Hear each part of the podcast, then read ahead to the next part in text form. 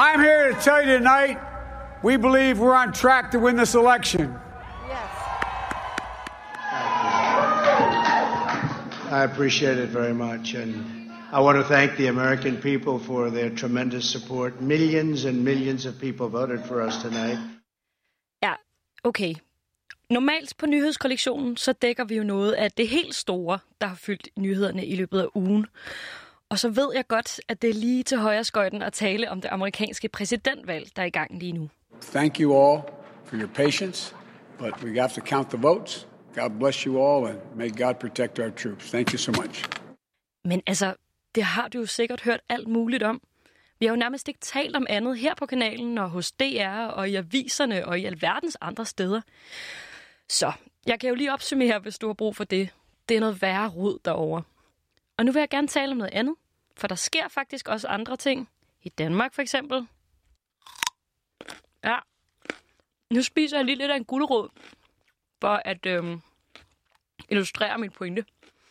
Jeg vil nemlig gerne fortælle dig om regeringens plan om at gøre Danmark mere vegetarisk. Har du hørt om det? Så indfører vi også to kødfrie dage om ugen i de statslige kantiner. Fremover skal medarbejderne i de statslige institutioner altså spise vegetarisk og klimavenligt mindst to dage om ugen. Det var Nikolaj Vammen, der sagde det. Det er ham, som er Socialdemokratiets finansminister. Forslaget er en del af en grøn plan, som regeringen præsenterede torsdag den 29. oktober. Vi lancerer for første gang i Danmarks historie en samlet strategi for grønne offentlige indkøb.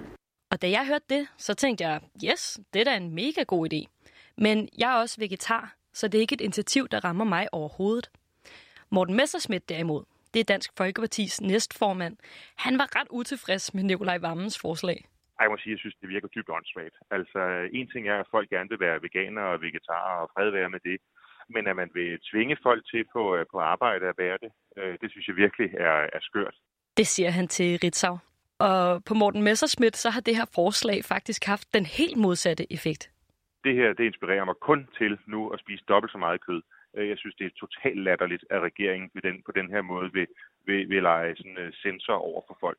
Fred være med, at der er nogen, der ikke vil spise kød. Det har jeg stor respekt for. Det må være deres valg. Men andre, der gerne vil have det og har det som en naturlig del af deres hverdag, og, og det, der gør, at de kan komme, have energi i løbet af dagen, de skal selvfølgelig også have mulighed for det, som de altid har haft. Og Morten Messerschmidt, han er ikke alene om at synes, regeringens træk var lidt usmart. Vegetarisk Forening er faktisk enig med ham, i hvert fald et stykke af vejen. Man skal helst starte først med at give folk friheden til at vælge det grønne. Så er der mange flere, der, der er positivt stemte. Lige nu kommer der en masse negative og barnlige reaktioner ikke, fra folk, der siger, så vil jeg spise dobbelt så meget kød og sådan noget. Ikke? Så, så derfor skal man tænke sig lidt om, når man indfører sådan nogle tiltag. Intentionen er god, men det er altid bedst at starte med at give folk øh, valgmuligheden. Det siger Rune Christoffer Dragsdal, og det er ham, som er formand i Vegetarisk Forening. Han synes, at regeringen skulle have startet et helt andet sted. Vi tror, at det vil være bedst at starte med at gøre det til en valgmulighed, der altid er tilgængelig i alle de offentlige køkkener. Så vi tror, at man skal starte med det her med at have et lækkert grønt alternativ. Og det her med så at indføre to faste, helt vegetariske dage, det kan være, det kan komme efter det. Og Hans Engel, han er politisk kommentator. Han synes også, at regeringen har lavet lidt af en maveplasker med deres forslag. Det siger han til Ritzau her. Det var en tabersag i den grad. Og det er sådan set ikke så meget, fordi danskerne øh, sådan generelt er imod at spise mere grønt og leve sundt. Det er jo en megatrend i øjeblikket. Men det, som folk reagerer imod, det er jo det, at staten skal til at blande sig i, hvad der skal serveres ude omkring på de øh, statslige arbejdspladser. Så altså, det var reaktionerne, de meget kraftige og meget negative reaktioner, har jo i høj grad handlet om, at øh, staten skal ikke blande sig i, øh, hvad der bliver sat på bordet. Og ja, måske har du hørt det. Der gik lige en weekend, og så droppede regeringen forslaget igen om mandagen. For det fik nemlig modstand fra alle mulige steder. Altså, der var mange fagforeninger åbenbart, som også har sat sig imod det her forslag, og det var nok til, at regeringen helt gav op på deres projekt man sendte simpelthen nogle fuldstændig forkerte signaler med det udspil. Vammen og regeringen havde læst vælgerne helt forkert. Altså det, de troede var en vindersag, at øh, nu ville folk klappe i hænderne og sige, det var sundt og godt, øh, det viste sig at være det stik modsatte, at folk de synes, at nu begynder det altså at minde for meget om øh, DDR at øh, staten skal blande sig helt ned i, hvad vi skal have at spise ude på arbejdspladserne. Og ja, nu hvor det er droppet, der er Morten Messerschmidt altså blevet glad igen. Jamen, det her er jo en god nyhed. Det er jo den største tilbagetrækning siden Napoleon trak sig tilbage fra Waterloo. Og ifølge Hans Engel, så er det her forslag også bare blevet sat på et virkelig dårligt tidspunkt. Danskerne kan nemlig ikke overskue flere regler lige nu. Det er ikke det, at danskerne er. Fordi vi nu er i en dyb og alvorlig coronakrise, så er man nødt til at gennemføre en hel række meget, meget kraftige restriktioner. Det er ligesom om, vi er i forvejen inde i en fase, hvor der øh, i forvejen er rigtig meget statsstyring og restriktioner og begrænsninger, og der kommer muligvis flere. Og der har folk altså ikke lyst til, at, også, at man oven i det også skal begynde at blande sig, end hvad der bliver sat på bordet i kantinen. Ja, men så er så spørgsmålet, hvad kan regeringen så finde på, hvis de skal have os alle sammen til at skære ned på vores kødforbrug? Jeg har øh, talt med en, der hedder Rasmus Fris om det. Han har forsket i forbrugeradfærd, og jeg tænkte, det var meget godt lige at vende med ham, hvad han egentlig tænker om den her sag. Har du et bud på, hvorfor regeringens ønsker om at få det her indført kan skabe så negative reaktioner? Jo, en, en stor del af det, vi ser, det findes helt sikkert i vores madkultur. Her i Danmark, der har vi en, en, en stærk madkultur, som vi kan se lang tid tilbage, og der, der har fokus altid været på kødet. Når vi snakker om, for eksempel, hvad vi skal have at spise, så vil du næsten altid opleve, at folk nævner kød først. For eksempel, i aften skal vi have flæskesteg, eller i aften skal vi have frikadeller. Og det andet, der er, det er, at vi som mennesker, vi har en ting med, vi, vi kan faktisk godt lide at være frie og have et rationelt valg. Det der med, at folk skal bestemme over os, det er vi ikke så gode til. Øhm, og igen, det er det her frie valg, så når du fjerner det, og man skal sige kød, som for mange jo er det vigtigste ved hele måltidet, så begynder du faktisk at pille ved det, der er et fundament for, for deres madkultur og tradition. Og for mine madmænd, der ser vi jo også, at øh, vi har en identitet i det her kød. Altså mange mænd, de er jo sådan, åh, jeg skal bare have noget kød, kød, kød, kød, kød. Og man kan jo især se det, hvis man går på flammen. Altså der står mændene jo lange køer bare for at få mest muligt kød på tallerkenen. Vi synes bare, det er så svært at skal lægge den her identitet og kultur fra os.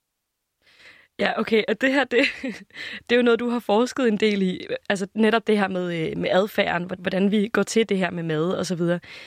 Kan du fortælle noget om, hvad du har fundet frem til? Er der andre måder, man kan gribe det her an på, end den måde, som regeringen gjorde det på? Det, jeg har kigget i min forskning, hvor jeg særligt har haft fokus på forbrugeradfærd, det er, at der er en teori, der hedder nudging. Og hvis man kort skal beskrive den, så er det jo, at du giver et kærligt puff i den rigtige retning. Det vil sige, du hjælper et andet menneske til at gøre det rigtige i den givende situation. Men det er ret vigtigt, at i et nudge, så må der aldrig være en økonomisk bonusordning, eller en straf, eller overvågning, eller andre ting, som kan motivere den her fremadfærd. Det skal, sådan, det skal bare føles naturligt. Der må ikke være nogen, der peger, eller siger, eller gør noget. Og hvordan kunne man få det i spil i det her tilfælde? Jeg har blandt andet lavet et studie, hvor vi havde tre grupper inde, som spiste frokost i en Libitum buffet, fuldstændig som man er vant til på en arbejdsplads. Og i det første forsøg, vi lavede, det vi gjorde, det var, at vi sagde, hvis anbefalingen i Danmark er at spise 600 gram frugt og grønt, jamen så hvis du allerede kan tage 200 gram til din frokost, så er du ret godt på vejen. Så vi begyndte at portionere salaten op i 200 gram skåle, så i stedet for at tage med en tang, hvad du havde lyst til, så var du tvunget til at tage en skål. Og så så vi i det her forsøg, at øh, gennemsnitligt så spiste alle 45 gram salat mere. Så i det næste forsøg, der var det det her med at prøve at, at tænke over, hvordan er det folk agerer i en buffet. Uh, mange vil jo gerne smage lidt af det hele.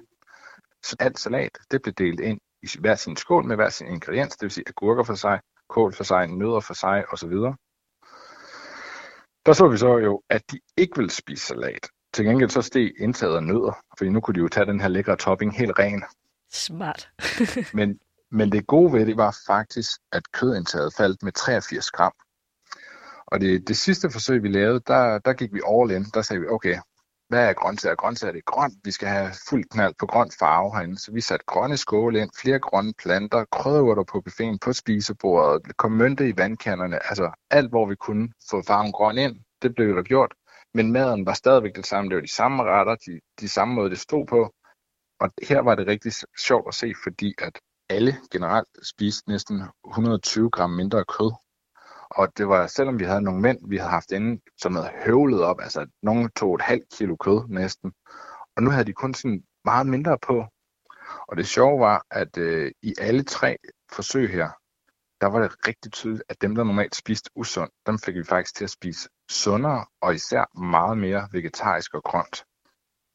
Kan man så ud fra det, som, som du har fundet ud af gennem din forskning, give et godt råd til regeringen, hvis de skulle give det her et skud mere? Man er, er nødt til bare at lade være med at være, være den øverste, der peger med fingrene og siger, nu gør vi sådan her. Det er en svær sag, men jeg tror, at gribe det an med at, at, at lave nogle små tiltag, som folk ikke bemærker, og så stille og roligt hjælpe dem den vej, i stedet for at fjerne det, der er deres største glæde ved maden. Det tror jeg er den forkerte måde at gribe det an på. Så ifølge Rasmus Fris, der er regeringsforslag altså ikke så nemt bare lige at få igennem. For det skubber til vores historie, og det skubber til vores kultur, og for nogen skubber det endda til deres identitet. Og hvis Socialdemokratiet skal udleve den her drøm om at lede et mere grøntsagsspisende folk, så kan de jo prøve at snige gulerødderne ind i kantinerne næste gang. Og du kan jo prøve at holde lidt øje med, om der kommer persille frem på bordene.